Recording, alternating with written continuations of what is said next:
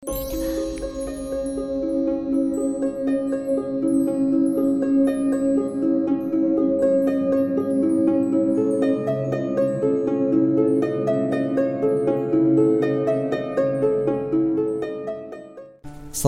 warahmatullahi wabarakatuh. Salam sejahtera, Om Swastiastu, Namo Buddhaya, Salam Kebajikan Semoga kalian semua ada dalam keadaan sehat, tercukupi semua kebutuhannya, dilancarkan dan dimudahkan semua urusannya Kembali lagi saya Denny dari Rumah Horor Indonesia Malam ini akan membacakan sebuah cerita horor untuk kalian Hanya saja cerita hari ini ada unsur komedi jadi horor komedi ya inget aja susah keramas yang dimintangi oleh bintang Sora Aoi. Tahu kan? Oke bahasa basinya udah cukup ya. Cerita kita untuk malam ini berjudul Mengapa aku sering melihat hantu? Ya itu adalah pertanyaan yang sering muncul di pikiranku dan beberapa pertanyaan yang sering diajukan oleh teman-temanku. Kurang lebih ya mengapa aku bisa melihat hantu? Mengapa aku sering melihat hantu? Aku sendiri hingga saat ini tidak mengerti mengapa aku sering melihat hantu.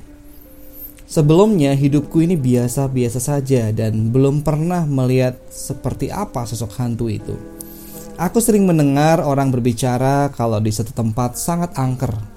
Namun ketika aku datang ke tempat itu, aku merasa biasa saja dan tidak ada yang aneh. Namun ketika aku menginjakkan kaki di perusahaanku sekarang, Semuanya berubah 180 derajat.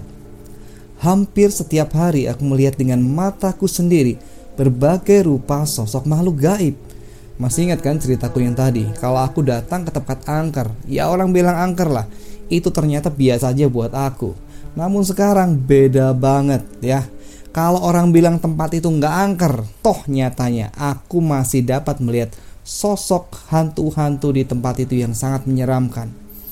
Aku tidak pernah berharap hidupku penuh dengan cerita horor, cerita mistis, ataupun cerita hantu yang kejadiannya aku alami sendiri. Namun pertanyaan mengapa aku sering melihat hantu membuatku mencari tahu apa yang sedang terjadi dengan diriku saat ini. Beberapa bulan yang lalu aku tak sengaja berkenalan dengan Om Herman. Kebetulan Om Herman ini adalah paman dari temanku dan ia merupakan orang yang spesial.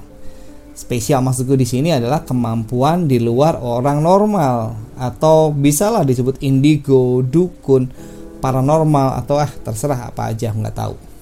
Dia sering dimintain tolong oleh tetangga atau orang jauh yang tidak ia kenal untuk membantu mereka secara goib. You know what I mean?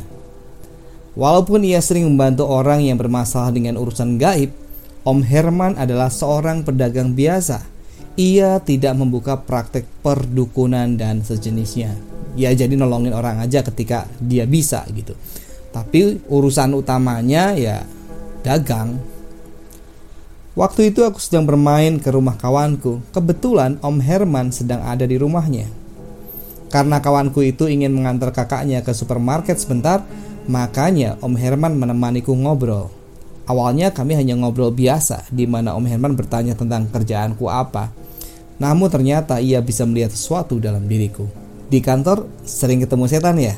Tanya Om Herman dengan tiba-tiba. Sejenak aku terdiam melongo dan bergumam dalam hati.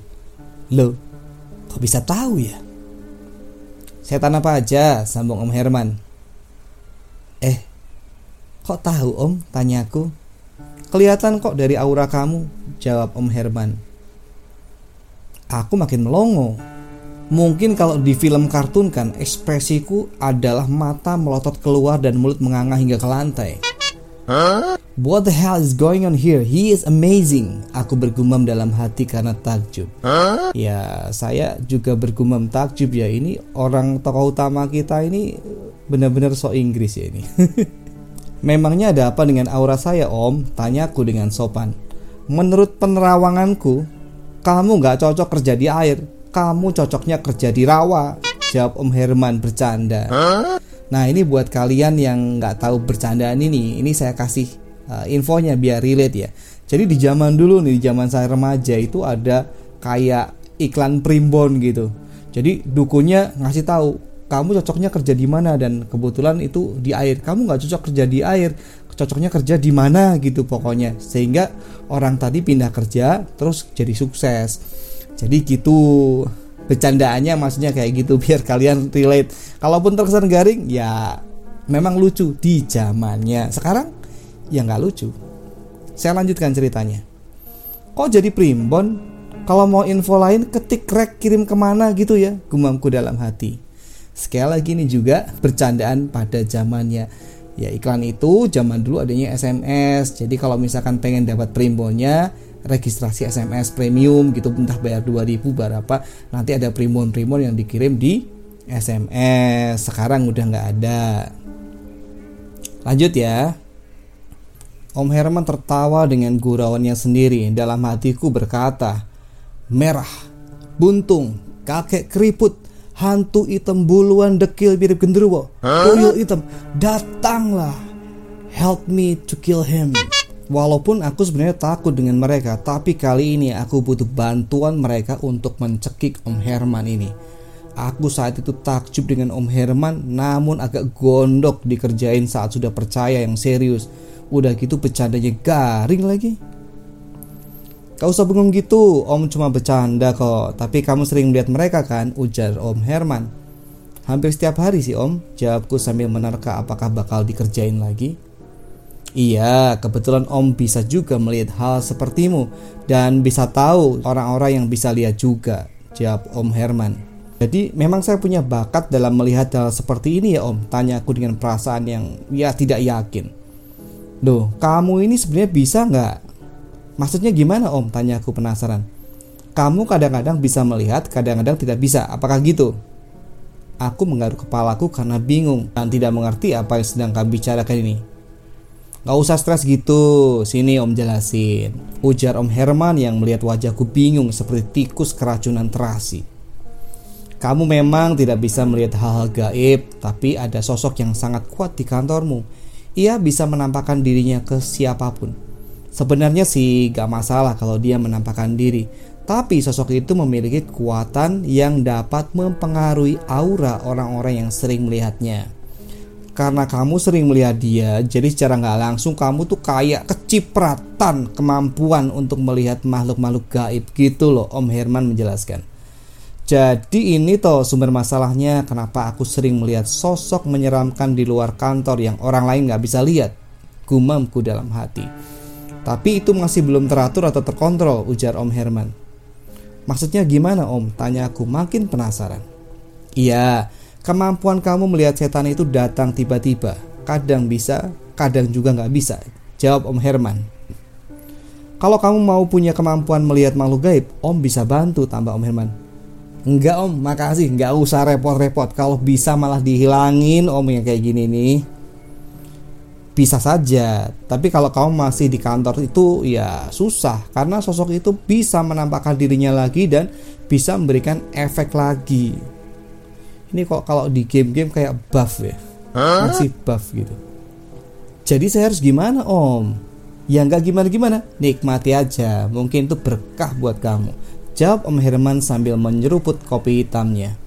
Pikiranku mulai kacau mendengar ucapannya. Apakah setelah menyeruput kopi itu dia langsung menyemburku seperti dukun-dukun di sinetron. Hanya dia dan Tuhan yang tahu. Aku terdiam memikirkan nasibku. Mengapa hidupku seperti ini? Sekarang kau masih normal, kamu gak lihat sesuatu di samping om kan? Tanya om Herman sambil nyengir bak nenek sihir. Saya lihat ke om tuh ada lalat lagi kawin. Eh, bukan itu. Kamu bisanya cuma lihat lalat kawin. Ujar Om Herman sambil tertawa. Tembok dibedakin aja saya doyan kok om. Gerutuku sambil cemberut. Tak lama terdengar suara motor temanku yang datang. Tuh, si Andi datang. Om ke belakang dulu ya. Ujar Om Herman sambil berdiri membawa kopinya. Ya om, jawabku sambil melihat Om Herman berjalan ke belakang. Saat sedang berjalan itu, tiba-tiba aku melihat sosok wanita menggunakan konde dengan pakaian kebaya seperti kegiatan Hari Kartini. Sosok itu melihatku dan tersenyum. Aku baru mengerti apa yang dimaksud dengan Om Herman dengan kadang bisa dan kadang tidak bisa. Mungkin ini berkah bagiku, sebuah kemampuan yang mungkin tidak semua orang miliki.